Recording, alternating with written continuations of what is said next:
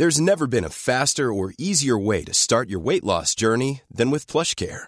PlushCare accepts most insurance plans and gives you online access to board-certified physicians who can prescribe FDA-approved weight loss medications like Wigovi and Zepbound for those who qualify. Take charge of your health and speak with a board-certified physician about a weight loss plan that's right for you. Get started today at plushcare.com slash weight loss. That's plushcare.com slash weight loss. plushcare.com slash weight loss.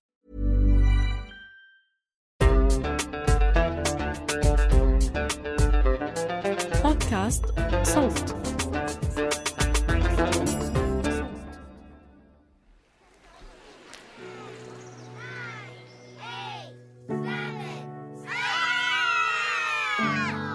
تتذكروا انتو بالروضة والسنوات الأولى من المدرسة أكم من مرة انسألتوا شو حابين تصيروا بس تكبروا؟ طيب بلاش تتذكروا أكم من مرة انحكالكم شو لازم أو شو ممكن تصيروا بس تكبروا؟ شو هي فرصكم أو خياراتكم من غير ما تكون محصورة بإطار الفشل والنجاح؟ تتذكروا لما صار لازم تقرروا أي تخصص بدكم تفوتوا لآخر سنتين بالمدرسة؟ ويلي على أساسه ممكن يتقرر مصير حياتكم العملي وعلى أغلب الاقتصادي والاجتماعي والطبقي؟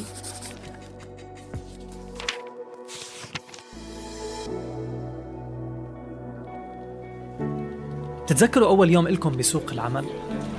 شكل المكان، ريحته، وجوه الموظفين والموظفات، وجوه المدراء وقوانين الدوام وشكل العقد والحقوق والواجبات والامتيازات. يمكن في منا بيتذكروا كل هالتفاصيل.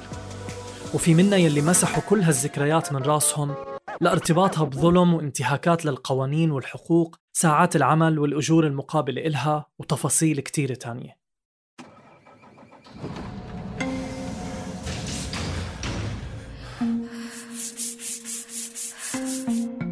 العمل بيجمعنا كبشر ولكن ظروف عملنا مش وحدة ولا بتتشابه بتفاصيلها رغم تقاطعها من الخارج. ولحتى نفهم علاقتنا بأعمالنا وعلاقة أعمالنا فينا رح أقدم لكم أنا سليم سلامة الموسم الرابع من بودكاست ما العمل من إنتاج صوت. رح نسمع قصص العاملات والعاملين المحليين والمهاجرين على أمل أنه نفهم هالرحلة المعقدة من حياتنا كبشر بعيدا عن فكرة إننا بنعيش لننتج وبننتج لنستهلك. هالموسم بيحتوي على ثلاث ثلاثيات. بكل وحدة فيهم بنناقش جوانب مختلفة متعلقة بالعمل.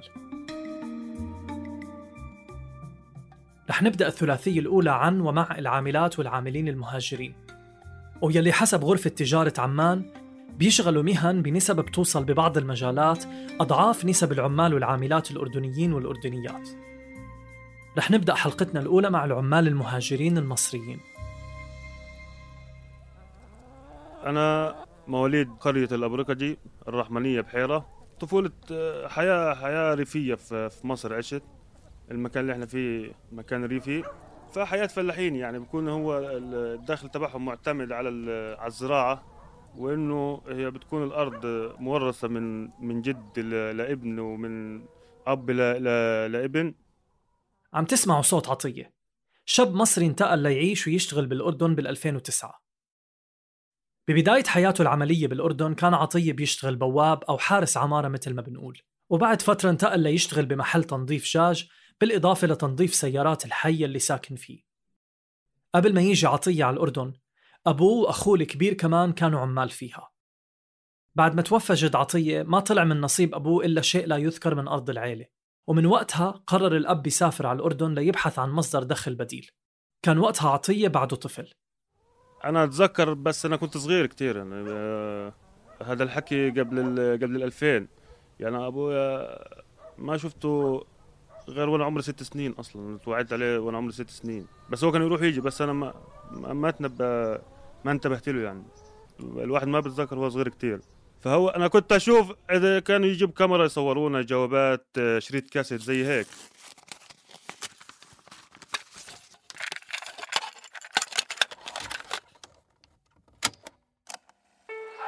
أتذكر آه، إنه كان يجيب شغلات معه وهيك يعني. الواحد كان يظن بباله إنه هو يعني أبوه هذا إشي كبير. وهو جاي من الأردن يعني. ليش الأردن هذا إشي كبير؟ هو هيك يعني الواحد بيفكر هيك. طبعا اختيار أبو عطية إنه يجي على الأردن بدل من إنه يشتغل بمدن كبيرة داخل مصر مش خيار عبثي. عطية حكالي عن صعوبة إنه الفلاح يشتغل بالمدينة بمصر. مش لأنه ما رح يكون فاهم الشغل وإنما لأنه في منافسة شرسة بين أهل الريف وسكان المدن اللي بطبيعة الحال بيكونوا مسلكين حالهم بالمدينة بحكم وجودهم فيها لمدة أطول. أما بالأردن وبسبب ثقافة العيب وقلة الاهتمام بنوع العمل الشاق اللي بيحتاج جهد كبير بنلاقي إنه في نقص بالعمالة بمهن معينة. هالنقص بيخلق فرص عمل للمصريين اللي بيهاجروا للأردن وبيشتغلوا فيها. فأنا عادي أبويا كان هون بالأردن وأنا وأنا طفل برضه أجي أجي أشتغل في الأردن هون وأنا وأنا طفل. وبعدها أخوي الكبير هو زي نظام إنه هو الواحد عرف مكان فبيجي عليه فحب المكان فبيجي عليه. إحنا ماشيين بمثل بيحكي لك اللي هو اللي تعرفه أحسن من اللي ما تعرفوش. الأردن كانت الأول كتير حلوة هي. كان في اللي هو في ناس كانت تطلع على العراق ولبنان والأماكن هاي. بس إنه هو أبويا كان راح قبلها في لبنان وبعدين أجى على الأردن. اخر آخر إشي يعني.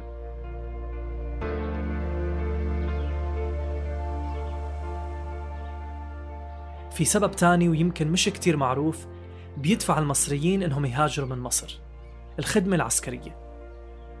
بمصر الانضمام للجيش مفروض على المواطنين وأحد الطرق لتجنب الخدمة بتكون عن طريق ترك البلد. فرق العملة كمان بيلعب دور مهم بتشجيع المصريين على القدوم للأردن. العملة بالأردن تعتبر أفضل مقارنة بالجنيه المصري. دافع إنه هو بيبص للعملة. بيبص للعملة ويبص لإنه هو يعني يا إما تشتغل وتجيب مصاري لأنه أنت في مصر مثلا تقدر تشتغل بس ما تقدر تبني ما تقدر تتجوز ما تقدر شغلات زي هيك. هو هذا الفكر اللي إحنا ماشيين عليه. بس إنه هو هذا صحيح الله أعلم إنه هو هذا يعني منطقي ما بعرف. بس إنه هو هم هيك هيك الفكر. إحنا تورثنا الفكر هذا من من المجتمع اللي إحنا عايشين فيه.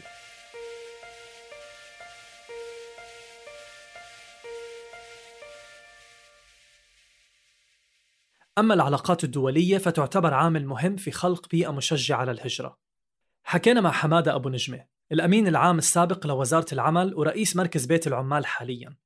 حكى لنا أنه مصر تعتبر من أكثر الدول اللي في بينها وبين الأردن تنظيمات مشتركة بما يخص العمال المهاجرين. المصري مش بحاجة أنه يحصل على تأشيرة أو إقامة لدخول الأردن وهذا طبعا بيسهل التنقل ما بين مصر والأردن بالنسبة للعمال تحديدا. لكن بنفس الوقت مطلوب من العامل المصري أنه يستوفي إجراءات خاصة بما يشمل العقود والتصاريح وهون بتبلش أغلب مشاكل العمال المهاجرين. أول خطوة لاستخدام عمال من مصر بتترتب على صاحب العمل أنه يوقع العقد إلكترونيا من الأردن. هذا طبعا بعد موافقة وزارة العمل. أما العامل فبوقع العقد من جهته بمصر. لما يجي العامل على الأردن بتم تشييك العقد والموافقة وبيدخل. وبهالأثناء صاحب العمل بيكون مخول إنه يصدر تصريح عمل للعامل.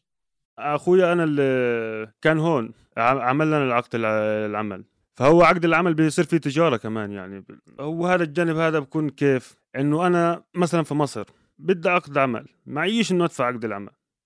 فبقول لك بنعمل لك عقد العمل يعني واحد مثلا يكون بلدياتك قريب. فبيشوف واحد وواحد بيشوف واحد وواحد بيشوف واحد.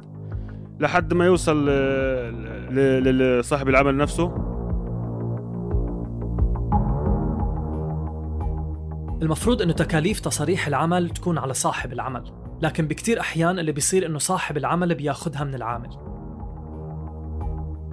في قوانين أو قرارات مثل الحد الأدنى للأجور بتحمي العمال ولكن حتى هاي القرارات بيتم التحايل عليها.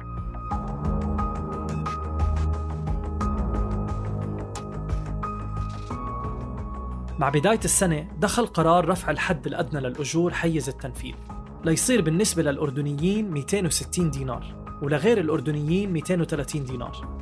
ومع هيك لسه العامل المهاجر بيحصل على راتب أقل بكتير. بعض أصحاب العمل بيقتطعوا من الراتب بدل أجار السكن والطعام والشراب وبصفي العامل المهاجر ماخذ بحدود ال 150 أو 190 دينار. وهذا طبعا إشي مخالف للقانون. وبأغلب الأوقات بيستأجر صاحب العمل بيت وبيسكن فيه مجموعة عمال بأجار بيت لعامل واحد. أو بيكون عنده بيت ملك ووقتها ما بيكون فعليا بيدفع أي تكاليف تانية. وبنفس الوقت بيكون خصم من راتب العمال. وفي صحاب عمل إن هم بيكون بيعملوا على على ممتلكاتهم أو الأعمال بتاعتهم آه، أوراق وهمية وبطلعوا بقى عدد عمال كبير وبتأجروا في الشغلات هاي. يعني مثلا العقد كان مثلا الزراعي كان 200 دينار وال واللي هو المطاعم مثلا 300 والإنشاءات 400 آه، شغلات زي هيك. يعني على ما يوصل لك العقد يكون أنت بدك تدفع 1000 دينار أو 1100 دينار. لهذا زمان هسا إذا إذا مش 2000 ليرة ما بت ما, بيجيك أو 3000 دينار في الوقت الحالي. فهي شغلة تجارة. شغلة إن أنت يعني صارت السوق مفت... العمل كله مش مش تحت اداره غير تحت اداره اللي هم التجار بس مش تحت اداره أي شيء العمال المهاجرين بالأردن ممنوع يغيروا شغلهم لمهنة تانية حتى لو كانت مهنة مفتوحة للعمال المهاجرين إلا بشروط تعجيزية ومعقدة. وبتحمل معها تكاليف باهظة بتجبر أغلب العمال إنهم يشتغلوا من دون تصاريح أو بمخالفات قانونية. فأنت بدك تيجي تشتغل مثلا بيحددوا لك إن الراتب بتاعك كذا كذا. طيب أنا أنا مثلا أنا سايب بلدي مشان انه هي العملة فيها ضعيفة والرواتب فيها ضعيفة. ماشي. لا تيجي تحدد لي أنت قديش رح تأخذ يعني أنت أنا مش متغرب عشان تيجي تعطيني ملاليم. طب أنا أضل في بلد أحسن. آه وتبغى تتحكم كمان يعني في انه هو هون آه آه إذا أنت مثلا شغال في مزرعة لا ممنوع تطلع تشتغل برا المزرعة. يعني كله كل شيء فيه قيود. مقيد يعني ممنوع.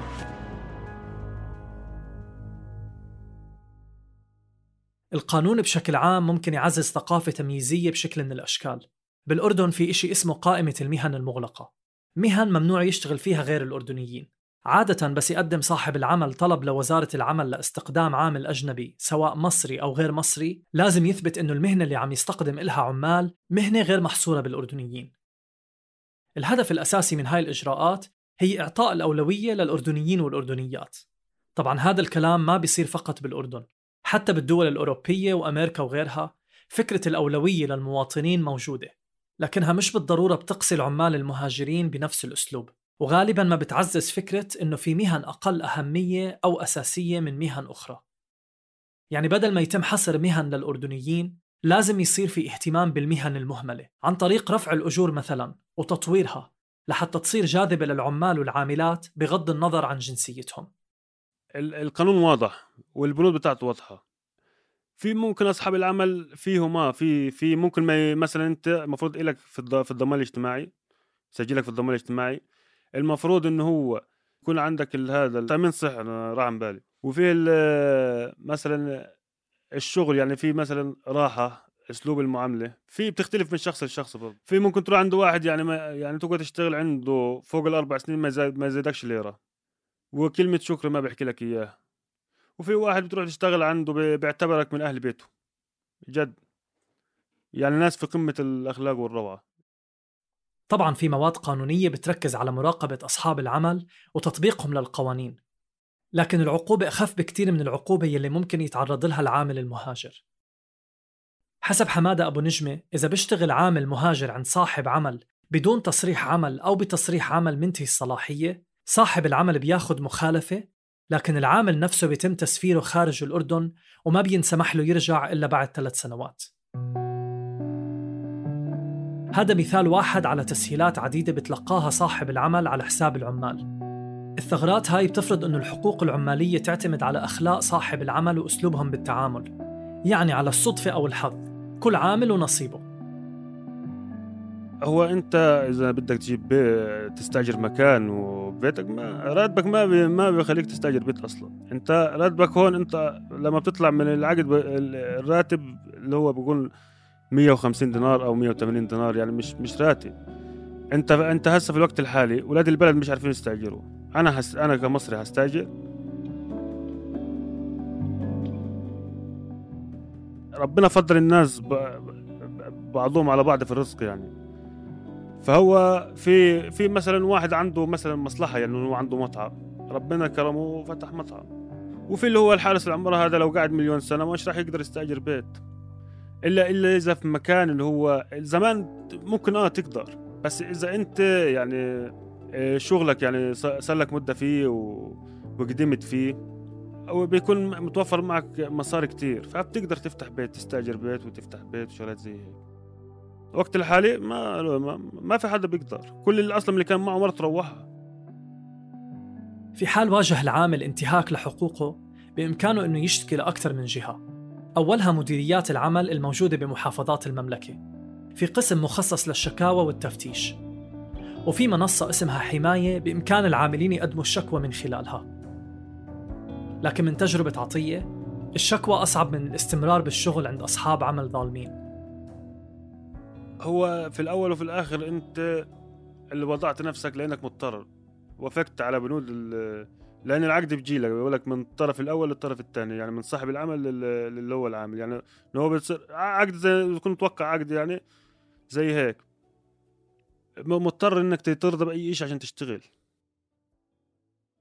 لأنه أنت هناك يعني بتشوف أنت مثلا غيرك رفع طلع بس أنت تحت لسه. فلازم تعمل زيه لازم تضطر تقبل كل إشي مشان توصل لهدف معين في حياتك.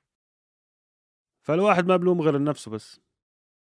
الواحد لما بده يبني نفسه إذا بيشتغل عند الناس عمره ما راح يوصل. إذا بيشتغل حر نفسه بيوصل بيوصل لشو ما بده.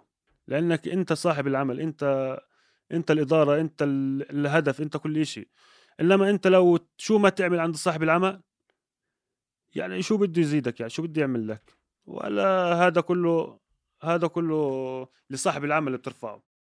العمل الحر أو الفريلانسينج ممكن يكون مخرج من الضغوطات وظلم أصحاب العمل لكنه تعميم ما بيقدر ينطبق على كل حدا. وحسب قانون العمل بالأردن مش بالضرورة يكون هو الجواب وهذا إشي رح نحكي فيه بحلقاتنا الجاي بالتفصيل. لكن في زاوية تانية مهمة وبتغيب عن بالنا بكتير من الأحيان وهي تأثير العمل والقرارات والقوانين المصاحبة إله على صحتنا النفسية وطموحاتنا. أنا آه، التوقعات كانت إشي كبير. يعني الواحد بتوقع إشي بس إن هو عقلك أنت بتوقع إشي ما هو أنت عمرك ما شفته. يعني ما ما راح تحسمه مزبوط فالتوقعات يعني كانت في مصر أمل كبير. هون تحطمت كل الأمال. بالنسبة لواحد إنه طموحه عالي فهو ب... فبيصير له إحباط و... و... واكتئاب وشغلات زي هيك. نفسيته بتتغير. في ناس انه هو في ناس عادي بتتقبل الأمور بتمشي بسرعة. أنا في في في ناس حساسة يعني ما بتتقبل الأمور بسهولة. أو إن هي على ما تتأقلم برضه إنك تسيب بلدك وتسيب أهلك على ما بال ما تتأقلم فيها إشي تاني يعني. بتاخذ بتاخذ وقت عشان على بال ما تتأقلم. في ناس بتتأقلم بسرعة. بس إنه هو أنا آه إنه هو أنا أصغر واحد في إخواني وهيك. ف يعني كنت مدلل شوي عند أهلي. وخاصة يعني لما تكون أنت مثلا في بلد عربي مش كل الناس. انت أنت هون يعني في الأردن يعني يعني يعتبر في بلدك. بس مش كل الناس. في اللي هو بيكون يعني يعني مش إشي في الحياة بس بيستحقر هذا آه، يعني بيقلل من من قدره وهو ما بقلل من قدرك غير اللي هو قليل القدر أصلا يعني اللي هو مش. الناس مش شايفيته فهو بيدور على أي حدا إنه هو يقلل من قدره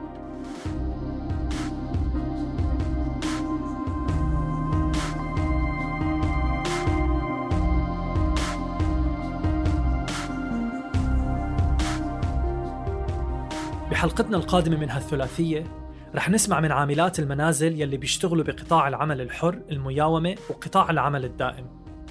ونتعرف أكثر على تحدياتهم وظروفهم العمالية والمعيشية. تابعونا عبر جميع منصات البودكاست. كنا معكم من الإعداد والتقديم سليم سلامة. التحرير تالا العيسى. بحث روان نخلة. مشاركة في البحث إبراهيم خالد. هندسة الصوت محمود أبو ندى والنشر والتواصل من إشراف مرام النبالي وبيان حبيب. بودكاست ما العمل من إنتاج صوت.